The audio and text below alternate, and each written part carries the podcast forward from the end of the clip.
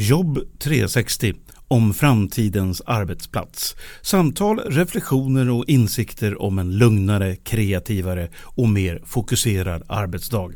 Inbjudna gäster tillsammans med Pia Andreasson och Åsa Dahlqvist från Direxio.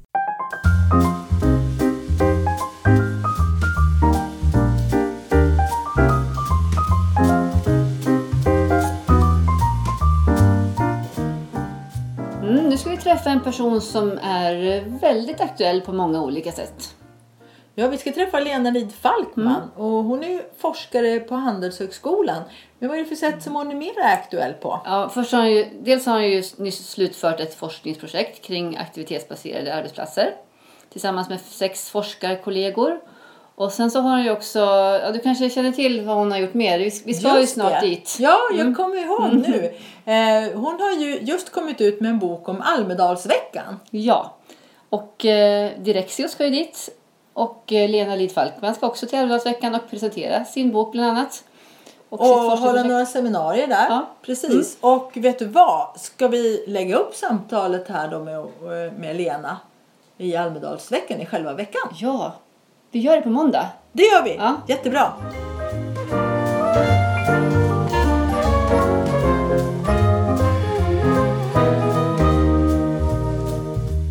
Wow, Lena Lidfalkman, vad roligt att träffa dig. Ja men tack detsamma. Ja, du har ju någonting väldigt spännande på gång här innan vi börjar prata om framtidens kontor så tänkte jag, kan inte du berätta om den här boken och, som handlar ju om Almedalen? Ja, eh, det är klart det måste finnas en bok om Almedalen. Det är ju ett sånt urhäftigt fenomen. Det är ju helt ojämförbart. Det här med ett tal liksom från eh, det var ganska spontant av Olof Palme när han var på semester på Fårö eh, för 50 år sedan då. Till det här med över 4 000 event och över 40 000 unika besökare förra året och det där blir ännu mer rekord igen. Det har alltså vuxit varje år i 50 år. Och det finns då bara en bok om Almedalen förut från 2014 av en statsvetare som heter Maria Wendt. Och nu när vi närmar oss 50-årsjubileum och jag är så irriterad på mediebilden av Almedalen som är så himla snäv. För alla de här, allt det här, den här kunskapen som finns, alla seminarierna, de syns ju inte i media. Media spelar upp eh, partiledarnas tal, utspelen och det som händer i deras eget tält. Niklas Svensson kör Almedalen och getingar i, liksom, i Expressen. Det är som att Almedalen inte var mer. Är precis vad jag också har Ja. tänkt varenda gång. Att, Man varför kommer visar dit- man inte de här fantastiska små Ja. de här spe- specialgrejerna om! Uganda? Kunskapskanalen borde Ja. där alla hela tiden. Nej, så jag ville visa en större bild eh, av Almedalen och försökt i ett par år och locka förlag. Nej, nej, inte kommersiellt, inte intressant. Sökt flera forsknings... Fyra omgångar forskningsmedel tror jag. Nej, nej. Eh, Så nu bara, nu ja, kör jag själv. Ger ut den på Handelshögskolan själv och bara får intressanta människor från massa olika perspektiv att skriva. Och tänkte att så här, åtta kapitel, då blir det en bok. Liksom. Då, då är jag nöjd. Då får jag skriva något själv kanske, men, men åtta, då blir det en antologi. Det blev eh, 26 författare, 24 kapitel. Jag har fyra partiledare med, en ärkebiskop eh, och eh, alltså PR, folk, journalister, forskare. Så det är liksom eh, personliga anekdoter bredvid en ganska tung forskningstext om eh, hur många myndigheter som har varit där genom åren. Helt blandat. Jättekul. Kan du- Almedalen, makt, magi och möten. Så heter rykande boken heter så. den. Almedalen, makt, magi och möten. Ja. Den kan man köpa på. Den finns på alla Ja, nätbokhandlar. Mm. Eh, jag och Pia ska ju dit nu. Jag har ju varit där flera år tidigare också eh, i andra sammanhang. Nu ska Mm. vi dit med i Direxios regi och eh, titta på olika, lyssna på olika seminarier och träffa folk. Mm. Vad har du nu när du har läst igenom den här, alla de här 26 bidragen och funderat mycket på det här. Vad har du för råd eller tips till sådana som jag, Pia och andra som ska besöka Almedalen? Jag tror att man ska kolla in liksom sitt specialområde. För det, det spelar nog nästan ingen roll vilket specialområde man har. Så kommer det finnas ett seminarium med bra människor i panelen om det. Göra, liksom, fokusera på dem och sen ge mycket luft emellan för att faktiskt hinna prata med folk de där mötena och också bara råka hamna i en trädgård där det pågår någon sorts samtal som helt plötsligt visade sig att man var intresserad av fast man inte visste det. Att ge det tid också. Så lite lustbetonat. Eh, Det skulle jag säga. Låta det där liksom hända. Jag som inte har varit på Almedalsveckan förut, jag hör ju det att ni säger att det verkar som att alla där är inriktade just på det här samtalet och kunskapsutbytet. Ja, eh, och eh, vi har med till exempel eh, Moderaternas förra presschef och hon har också varit där då som, som liksom pressansvarig till exempel åt Anna Kinberg Batra. Och till och med i deras späckade, späckade schema på 10 minuters slottar så lägger de in extra lång tid att gå mellan ställen därför att även en partiledare ska, ska kunna hinna möta människor och småprata. Så det är ju det, det är ju därför liksom det viktigaste och det sista i, rubriken av boken fick bli möten. För det är ju det som är, är roligt. Och innan vi lämnar Almedalen här nu, vad, eh, ska du dit? Ja, hela Ja. veckan tänker jag vara där och, och allmänbilda mig. Ja. Och det är så folk borde göra. Skicka dit sina, eh, sina medarbetare för, för eh, kunskapsinhämtning helt enkelt. Kunskapsinhämtning och möten. Härligt. Det är det vi gör i den här podden också. Ja. Kunskapsinhämtning och möten med intressanta och kunniga personer inom ämnet eh, framtidens arbetsplats. Mm. Så vi tänkte hoppa över dit för att du forskar ju inom det här området också. Och jag, jag börjar med att undra, vad, vad är det ni har forskat? Vad, vad har ni rört er någonstans? Inom vilka områden har ni forskat på det här? Mm. Jag är ju traditionellt eh, inom ledarskap och kommunikation och min doktorsavhandling skrev jag inom ja, med retorik och etik eh, om FNs generalsekreterare. Men ganska snart efteråt så blev jag ganska intresserad därför att jag personligen är intresserad av social media och hur det förändrar våra relationer. Eh, Så blev det det här med hur teknik påverkar hur vi arbetar och leder och samarbetar. Och eh, jag snubblade på det här med aktivitetsbaserade kontor runt 2013 ungefär. Och det, för mig var det då helt nytt. Jag visste inte riktigt vad det var. Det samma Ehm, för mig, lustigt nog. 2013. Ja, ja, men det var så här, va? Ja. Det här var någonting spännande. Och jag tyckte det var jätteintressant. Och hade tänkt att göra ett litet, litet forskningsprojekt som fokuserade på just relation chef-medarbetare och hur det förändras då när man inte har liksom fasta platser. Eh, och när jag började titta och göra liksom, eh, efterforskningar för eh, ansökan till Vinnova då eh, ser jag ju att om vi ser det här som en ny kontorstyp, som någonting annat än flexkontor, då finns det ingen forskning. Eh, Det gjorde inte det då. Någon enstaka artikel från Holland, men det var liksom det enda. Eh, Och, och såg ett jättebehov. Så då tänkte jag, nu går jag in till Vinnova med en stor ansökan, plocka på mig eh, folk från flera områden därför att vi behöver titta på det här från många områden. Och då blev vi sju seniora forskare. Allt ifrån Aram Seddig som ju är liksom kontorsforskare till Katarina Graffman som är antropolog och Kalle Rosengren som är arbetsvetare och intresserad av normer. Eh, Emma Stenström som är kulturekonom och intresserad av själva liksom, vad, vad säger det här kontoret oss egentligen? Ja, nästan idéhistoriskt. Eh, och sen ehm, Cecilia Stenfors, kognitionspsykolog, intresserad alltså av fokus och koncentration. Och så Walter Osika som är läkare, fokuserad på stress och eh, eh, mindfulness och rehabilitering. Så det blev liksom ur alla de här perspektiven som vi valde att titta på aktivitetsbaserade kontor. Och eh, i projektet som eh, heter Framtidens kontor eh, så har vi haft tre partnerföretag, Vasakronan och Microsoft, båda väldigt tidiga in i aktivitetsbaserade kontor. Och de har också gått hela vägen in, alltså inte hemvisten eller så utan verkligen hela vägen och jobbat väldigt aktivt med kontoret och med arbetssätten. Och sen eh, WISE som då var på väg in i aktivitetsbaserade kontor så då fick vi göra lite före och efter på dem också. Så vi har gjort en stor enkät tillsammans eh, på de här tre företagen plus ett gäng av Vasakronans hyresgäster för att få in mer enkätsvar. Och sen har vi gjort en hel drös med olika Ja, men intervjuat massa nyckelpersoner, arkitekter och så. Eh, och gjort fokusgrupper på företagen, eh, djupintervjuer, eh, en annan typ av intervjuer som är väldigt korta. eh, mikrointerventioner. Så en rad olika liksom, empiriinsamling då. Är forskningsprojektet klart eller är det Ja, det är färdigt. Pengarna är slut. Vilket är så att pengarna är slut. Och vi har lämnat in eh, rapporten till Vinnova. Eh, så det vi håller på och pysslar med nu det är att klippa ihop en film med lite, eh, lite liksom resultat vi diskuterar. Och eh, eh, det dåliga samvetet som ligger på mitt bord. Eh, att bli färdig med den, den praktiska rapporten. Liksom en, en mer lätt tillgänglig sak då. Om, vad vi har kommit Om man skulle sammanfatta den här rapporten på något sätt. Ja, man, det är inte lätt att säga- göra det med vad finns det för intressanta saker som har Ja. dykt upp? det, är, det är inte lätt att göra det med sju forskare. eh, Så, att få till något eh, enkelt där. Vi är nämligen eh, ganska...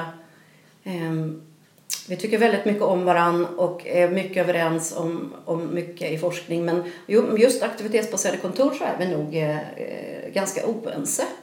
Och tycker rätt så olika beroende på vilken aspekt vi har forskat på.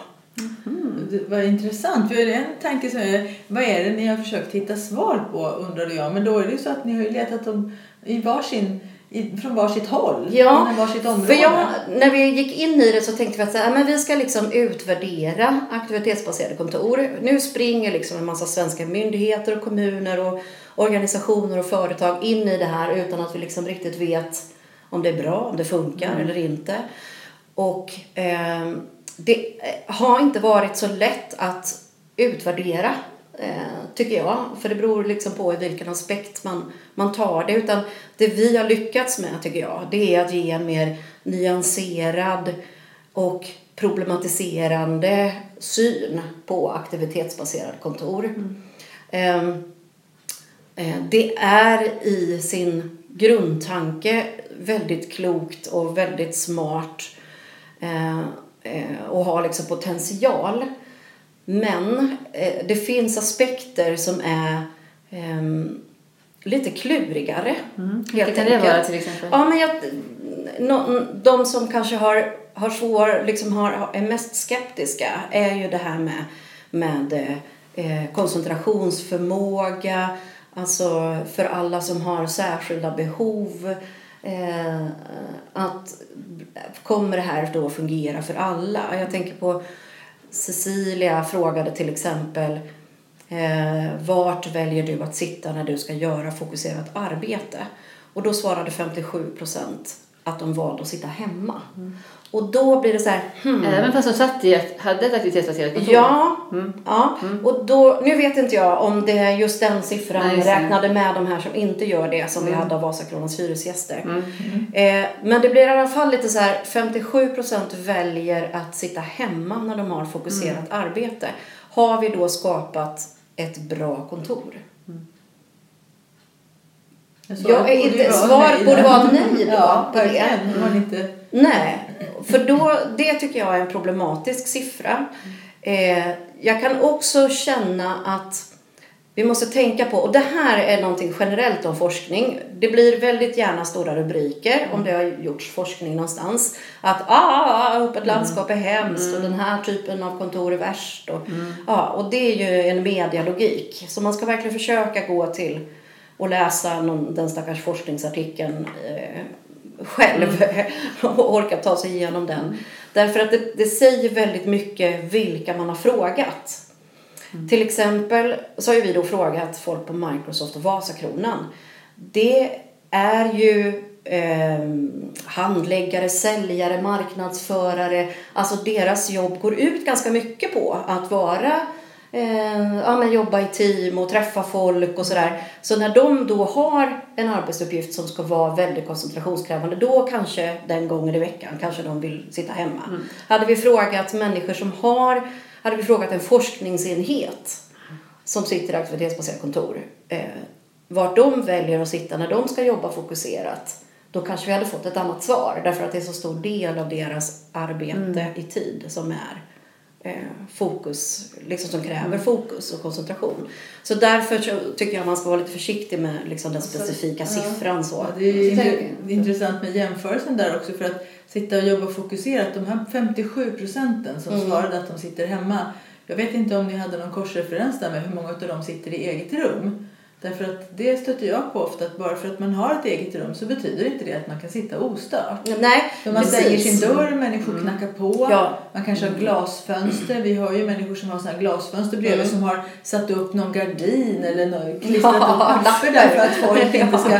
Titta. Och då visar det sig att folk då böjer ner huvudet och tittar under de där lapparna Ja, eller för att se vinklar om med man är handen där. ovanför. eller Absolut. sånt. Så att eget rum betyder ju inte alltid ostört heller. Nej, och det säger jag också vid den frågan, men man kan inte sitta fokuserat. Jo, i ett aktivitetsbaserat kontor som är rätt utformat så kan man sitta ännu mer ostört än i eget rum. För om du går till den zon där det ska vara tyst och man kan till och med ha den spelregeln att man faktiskt inte får knacka på någon som valt att sätta sig där. Då kommer man att få det mest liksom, fokusområdet man kan få. Bättre än hemma också där det alltid finns någon katt eller unge eller något som vill Eller något. en diskmaskin. Eller en diskmaskin eller något man borde liksom. Precis. Det, där säger du någonting som verkligen huvudet på spiken. Det är ju att aktivitetsbaserat, man får inte blanda ihop det med att man bara har liksom fria platser. Nej, Utan det, nej. det, är ju, det ska ju vara utformat för just den arbetsplatsen Ja. och funka liksom för de aktiviteter man utför. Precis. Mm. Och där, till exempel i Arbetsmiljöverkets eh, Det gränslösa arbetet och de här rapporterna som har kommit nu 2018 så särskiljer man inte aktivitetsbaserade kontor och skriver liksom inte det som en, om, ja, som en egen. Och det finns andra forskare också som inte gör det, men jag tycker att det ska vara en egen kontorstyp. För det här tankesättet med zoner med olika spelregler. Det skiljer så mycket från flexkontor tycker jag. Så att det borde vara en egen kontorstyp när Jag vi tittar och när vi gör undersökningar på för flexkontor är väl knappt att det finns nästan längre utan det är öppna landskap som är väldigt vanligt att man har sin egen plats. Men Ja. just det här flexkontor med likadana platser och så Mm. tar du en plats eh, på, på ett eh, bord var som helst någonstans. Det har jag sällan talas om numera. Nej. Men det, jag det vi på något sätt ändå var överens om eh, eh, är ju att det här kan vara jättebra men det beror på. Det beror på flera saker. Är, eh, har man gjort förstudien rätt så att det blir rätt platser för det, de verksamhet man har? Det beror på om man har tekniken så att den är mogen. Det beror på om, om folk har den typen av arbetsuppgifter som gynnas av det. Eller majoritet i alla fall. Det finns ju alltid kanske någon avdelning som faktiskt inte gynnas av flytten till den här kontorstypen men att man då hanterar det då. Eh, det jag har tittat på då det är ju ledarskap och självledarskap. Och då har jag intervjuat både medarbetare och ehm, eh, chefer och så har jag ställt frågor i enkäten. Och tittar man på de siffrorna och det jag har hört i, i intervjuerna så är ju det här någonting positivt. Man tycker inte att man får liksom få sämre kontakt med sin chef utan bättre eller lika bra. Det är 14 procent som, som svarade att det, att det inte var bra kontakt med chefen. Men, men på det hela taget liksom så är det ju en stor, stor majoritet som upplever det som positivt. Vad beror det på tror du? Att, eh, eller har ni, vad, det kan bero på att de får bättre att de Kontakt. Att de får bättre Ja, men det vi, det vi har sett förut av sådana här studier är ju till exempel att man upplever bättre kontakt med chefen i ett öppet landskap än i eh, enskilda rum. Det är helt enkelt synligheten, att man ser chefen mer. Och det gör man ju här också. Eh, att man har möjlighet att sitta nära om man vill, att man har möjlighet. Och, och eh, jag tror också att man tvingas att eh, diskutera hur man ska kommunicera och mötas. Eh, jag tycker eh, under de här nu sedan 2014 när projektet började, under de här fyra åren så har jag träffat en enorm mängd av medarbetare och företag och, och, och kommuner och eh, statliga myndigheter som sitter i eller är på väg in. Och eh, man tvingas liksom att diskutera igenom hur man ska samarbeta. Hur ofta ska vi mötas? Hur ska vi kommunicera? Vilka ska vara med på den här? Och det, det är mitt absolut största råd, att kommunicera om kommunikationen. Ehm, hu- vi behöver ju faktiskt bilda ett team här och det ligger på chefens uppgift. Ja, men då kanske vi ska ha avstämningsmöte en gång i veckan i teamet. Men vi kanske också ska ha god frukost en gång i veckan. Och jag kanske kan fråga folk hur ofta de vill träffa mig. Och då kanske en bara vill träffa mig en gång i månaden och en vill träffa mig varje vecka. Eh, för att liksom få en klapp på axeln eller få ett råd om hur de ska prioritera och strukturera. Eh, för att vi lägger ju en enorm mängd eh, ansvar på individen eh, i dagens arbetsliv. Och i ett aktivitetsbaserat kontor så lägger vi ju också liksom lite bestämmande rätt över att känna sig själv och veta vad, vad som passar mig och mina Mm. arbetsuppgifter. Så det, det ju, krävs enormt mycket självledarskap. Och det var en av de sakerna vi eh, undersökte då. Och självledarskap eh, skapades på 80-talet, så för länge sedan. Men jag tror inte Charles Mans som kom med begreppet ens kunde föreställa sig hur det ser ut idag. Om han skriver om skrivbord och hur man organiserar skrivbordet så har ju det liksom den här ständiga tillgången till möten i, i fickan liksom där vi kan eh, kolla mejl och kalendrar och eh, allting. Eh, det, det fanns ju liksom inte på 80-talet. Ja, där kommer vi in på en sak som, som vi brottas mycket med i våra kurser då, som handlar just om självledarskap och hur man tar hand om sig själv i sitt Ja. arbetsliv. Det är ju det här med tillgänglighet. Ja. Och där får vi ta en väldigt, ska inte säga brottningsmatch, jag brukar kalla det för kringla. Att man får liksom gå runt det hela mycket därför att människor idag tänker så mycket att men tillgänglighet är att ha telefonen på hela tiden, att alltid kolla sin mail och svara så fort som möjligt på det som går att svara på. Ha dörren öppen. Ja, ha dörren öppen och liksom alltid vara, vara till hands.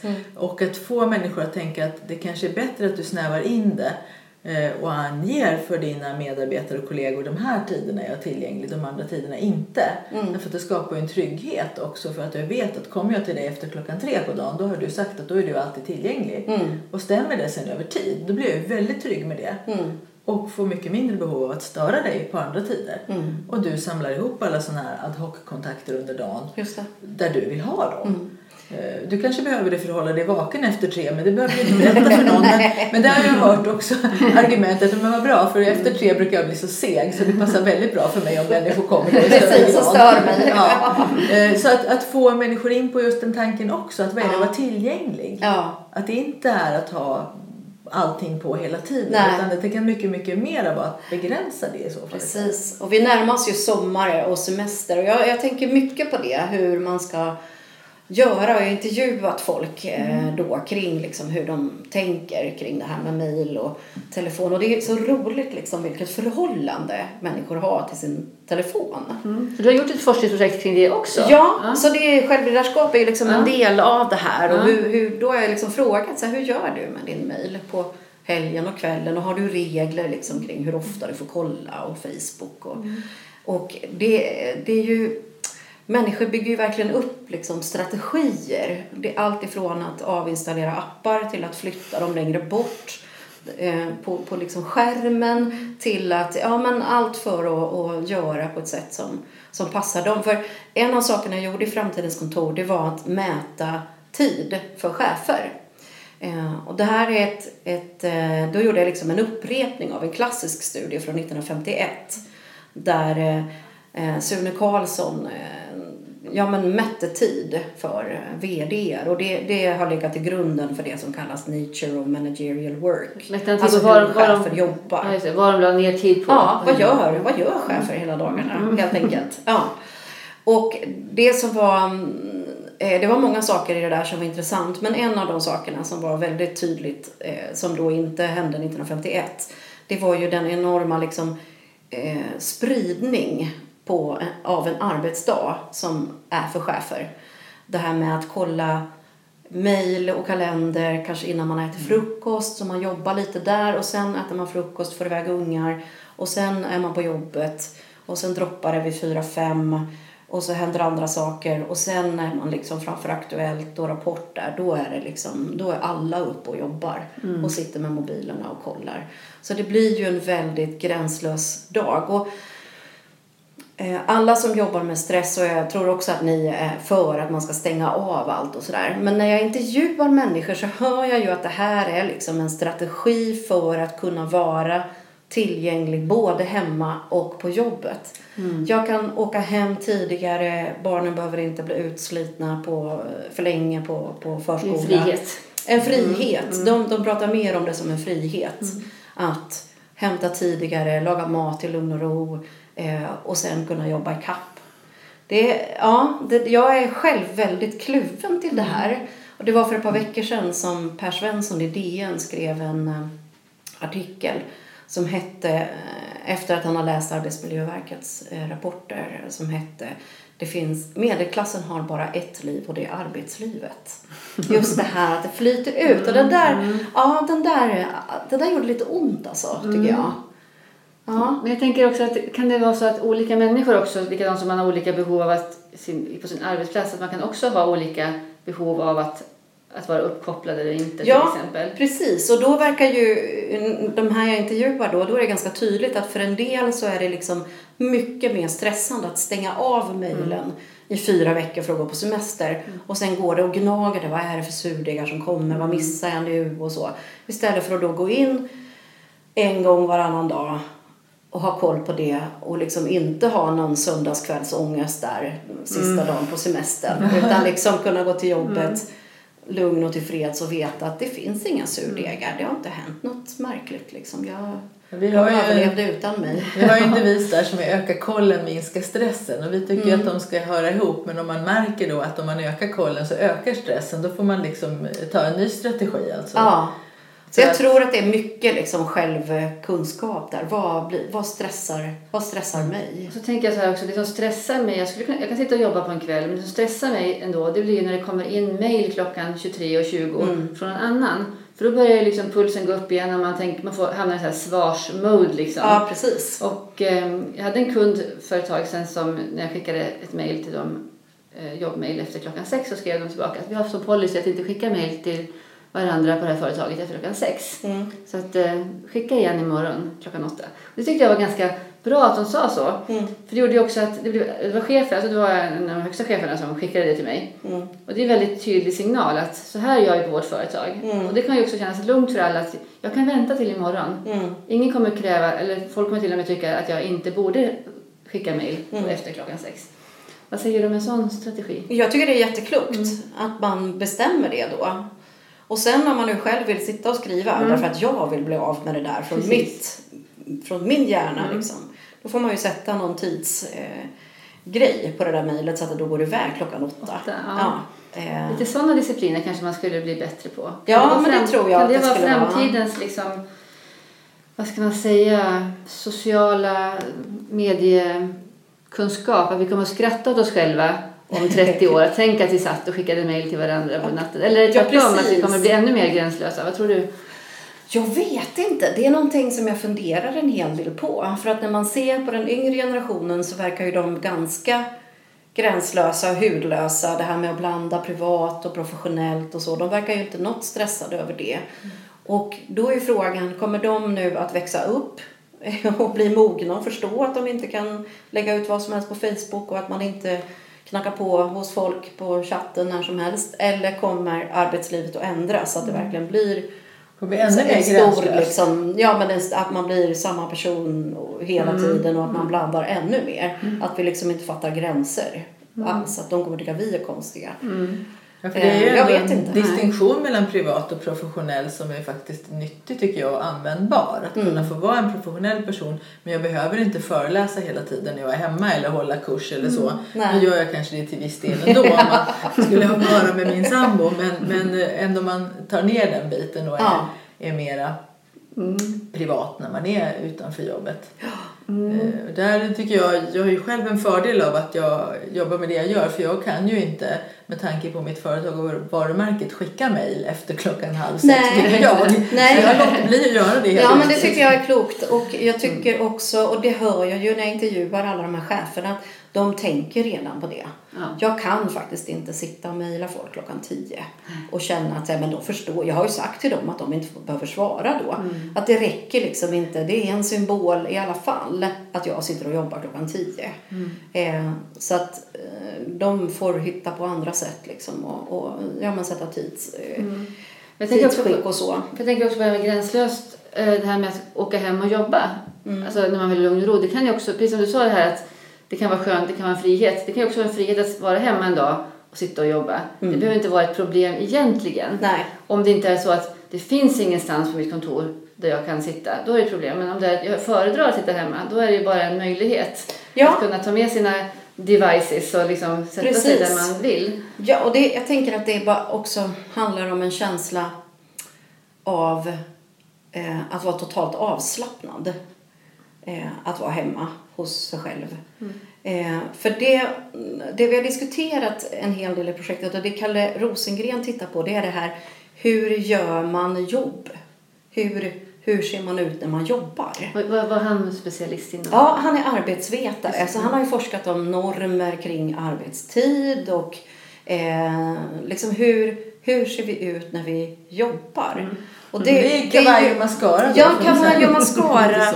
Och just det här att vi, vi eh, för det tycker jag är slående i aktivitetsbaserade kontor och alla kontorstyper nu. Ja, förresten i samhället i stort. Alltså att det ska vara de här stora fönstren.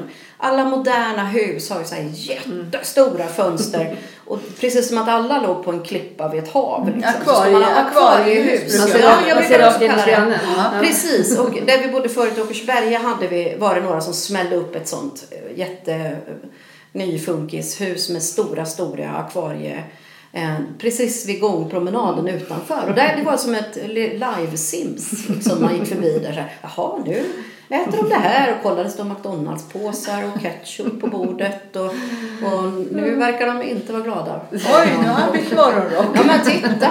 Ja, det är jätteskumt alltså det här att vi är så synliga. Transparenta. Ja, verkligen. Och det på kontor också. Även i alla de här mötesrummen som finns på ett flexkontor och ett landskap och, och aktivitetsbaserade så är det alltid fönster. Vart kan jag gå in och liksom superkoncentrera mig? Alltså knäppa upp byxorna, sätta på håret, dunka huvudet i bordet för att jag inte fattar vad jag ska göra. Vart är det? Alltså fulrummet. Det är Ja. en efterlysning. En Bygg efterlysning in fulrum där man Tycker inte är synlig. Ja. Det måste ju finnas någon annanstans än på toaletten där jag kan snyta mig ordentligt. Eh, jag tror att det här är en grej för chefer till exempel. Eh, som alltid syns. Alltså vi är ju lite nyfikna på makt och hierarki. Och vdn också sitter i samma... Eh, det är ju jättespännande att se vad han gör. Kollar han på Blocket? Jaha, vilka båtar då? Alltså, Vad han har för kläder på sig. för Oj, kläder? idag har han Ja. tenniströja, men då kan jag också ta det imorgon. Precis. Jag har faktiskt eh, förstått på intervjun att det här har påverkat cheferna en del. Dels har de droppat kavajerna lite mer för att det inte kändes okej. Och att ehm, eh, en chef jag intervjuade pratade om att det hade påverkat vad han äter till lunch. Lite. Att han kände för att äta lite nyttigare. Ja, och för- för- också gärna gå och träna på lunchen. Okej. För För att man är mer för synlig helt Ja, lite sådär Så det där att inspirera Ja. andra liksom. Han kan inte bara säga greasa i sig liksom en svabbig Nej, just det. Eh, Jag tänkte då att det slutade med rysk kaviar och... Ja. Eh, nej, snarare tvärtom. Det var en annan chef som sa det att eh, när vi pratade om hur man kan ha kontakt med varandra på social media. Att det var en av de grejerna som han kände var lite så här, ah, gnagde lite liksom om man hade sina medarbetare på Facebook. För att han vet att han har råd att åka på värre semestrar än vad de har. Och att det liksom inte kändes superbra. Nej, det rabbit in sådär. Ja, lite så. Och här är vi i våran segelbåt. Och, ja. Så jag tänkte bara utifrån det här som ni har sett nu, allt det här som du berättar och beskriver Mm. med forskningen. Det senaste här ämnet, då skulle vi kunna ta ett särskilt program om hur Verkligen. den här öppenheten påverkar oss. Både Ja. i bättre riktning, att käka bättre lunch och träna. Och kanske också i, i en annan riktning, att vi, att vi inte vill, vill vara så synliga Nej, som vi skulle kunna precis. behöva vara. Så, men utifrån allt det här som vi har pratat om, vad, hur tror du det blir i framtiden? Åt Vilket håll går kontoren? Eh, Du säger många myndigheter nu gör det här bara och kliver raka vägen in i det Ja. av lite olika skäl. Men vad, vad, vart är riktningen? En sak är ju klar, vi kommer ju liksom inte bli mer pappersberoende i framtiden. Det, den, det, den vägen är ju sluten. Det här är ingen fluga att vi jobbar digitaliserat. Det är inget som kommer att gå över. Sen det här med egen plats eller inte, det tycker jag känns som 50-50. Om vi kommer att liksom känna att så här, nej, men vi behöver ändå en egen liten, liten spot liksom på kontoret som är våran. Eh, så det, det egen plats eller inte, det tror jag är precis liksom 50-50 hur, hur nästa trend kommer bli. Men jag tror inte heller att vi kommer, de här loungekänslan och liksom soffkänslan, Den tror jag inte kommer försvinna. Alltså de här sociala områdena som vi har nu. Där kontoren eh, till viss del inte längre ser ut som kontor utan som hotell eller vardagsrum. De tror jag inte kommer försvinna.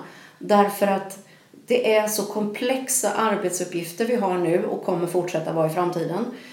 Eh, Så därför behövs de här utrymmena för oss att sitta och jobba tillsammans. Eh, Och att det kommer att bli eh, ännu mer fokus på liksom projektområden där vi kan jobba intensivt tillsammans i ett par veckor, vi som är ihopkopplade.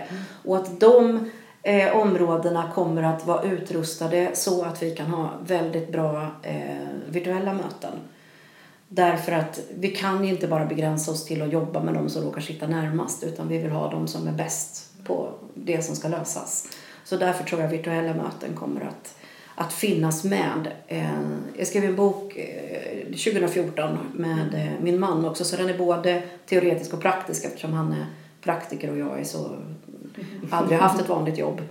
Eh, så blir det då bättre när vi skriver tillsammans. Och den heter Virtuella möten och det, det, jag tror att det är liksom det kommer vi få se mer av. Och det bara. skulle ju nästan kunna ha ett eget liksom, program. Ja, visst. Men, Ja, men, jag tänker att det, är superintressant för att just virtuella möten, vi pratar ju mycket om möten, alltså hur man, hur man ska liksom hantera möten in real life. Mm. Men just virtuella möten, de virtuella möten som jag har blivit inbjuden till, antingen via telefon eller Skype, olika företag och kunder, det inte alltid varit så här jättetoppenmöten precis. Nej. Det var ganska rörigt. Det finns potential det finns, här. Ja, precis. Ja. Det finns liksom, Ja. man, det, den, här, den här vanan finns inte riktigt ännu Nej. i hur man ska göra riktigt. Mm. Handlar- då pratar inte om tekniken utan mer liksom hur man hanterar mötena på ett... eh, Nej, tekniken är egentligen så bra nu så att det är ju för det allra mesta handhavande fel.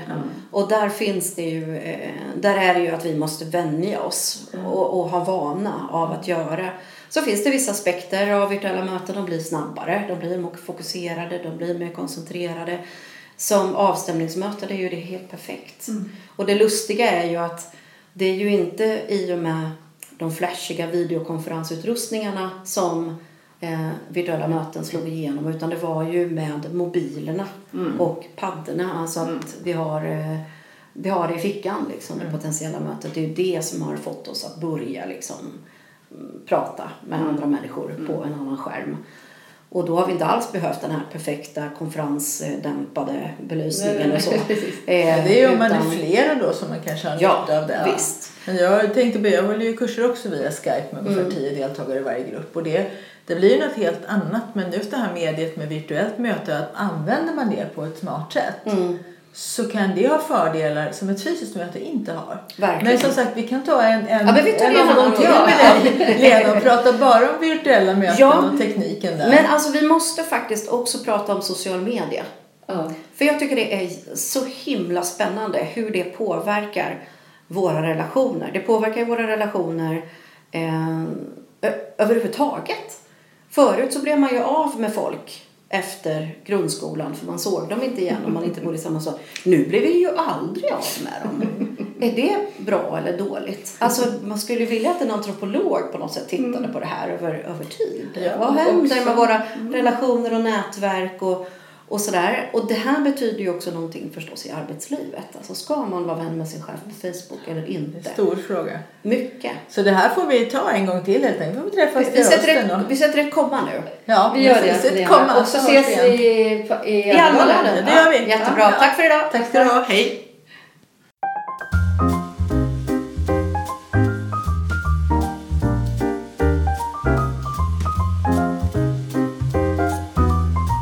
Här var ju både intressant och roligt samtal, eller hur Åsa? Ja, och det jag verkligen gillade mest av allt tror jag, det var ju Lenas tanke om att vi behöver ett fulrum på jobbet. Rum utan glasrutor där vi kan koppla av och bara vara riktigt fula och inte behöva vara så synliga hela tiden. Det tycker jag var en jättebra idé. Ja, och när hon berättade om, mer om hur den här nya synligheten påverkar oss. Jag undrar verkligen vad som ska komma ut över det, över tid. Ja, vi får nog ta och prata med Lena några fler gånger precis som vi sa här.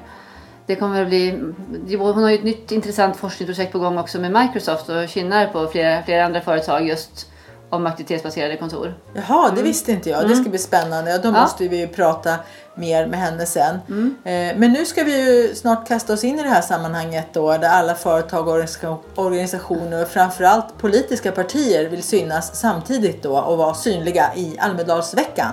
Ja, det ska bli jätteroligt. Och eh, då ska vi också passa på att eh, träffa Lena Lid Falkman där och kanske få höra mer också om hennes nya bok Almedalen, Makt, magi och möten.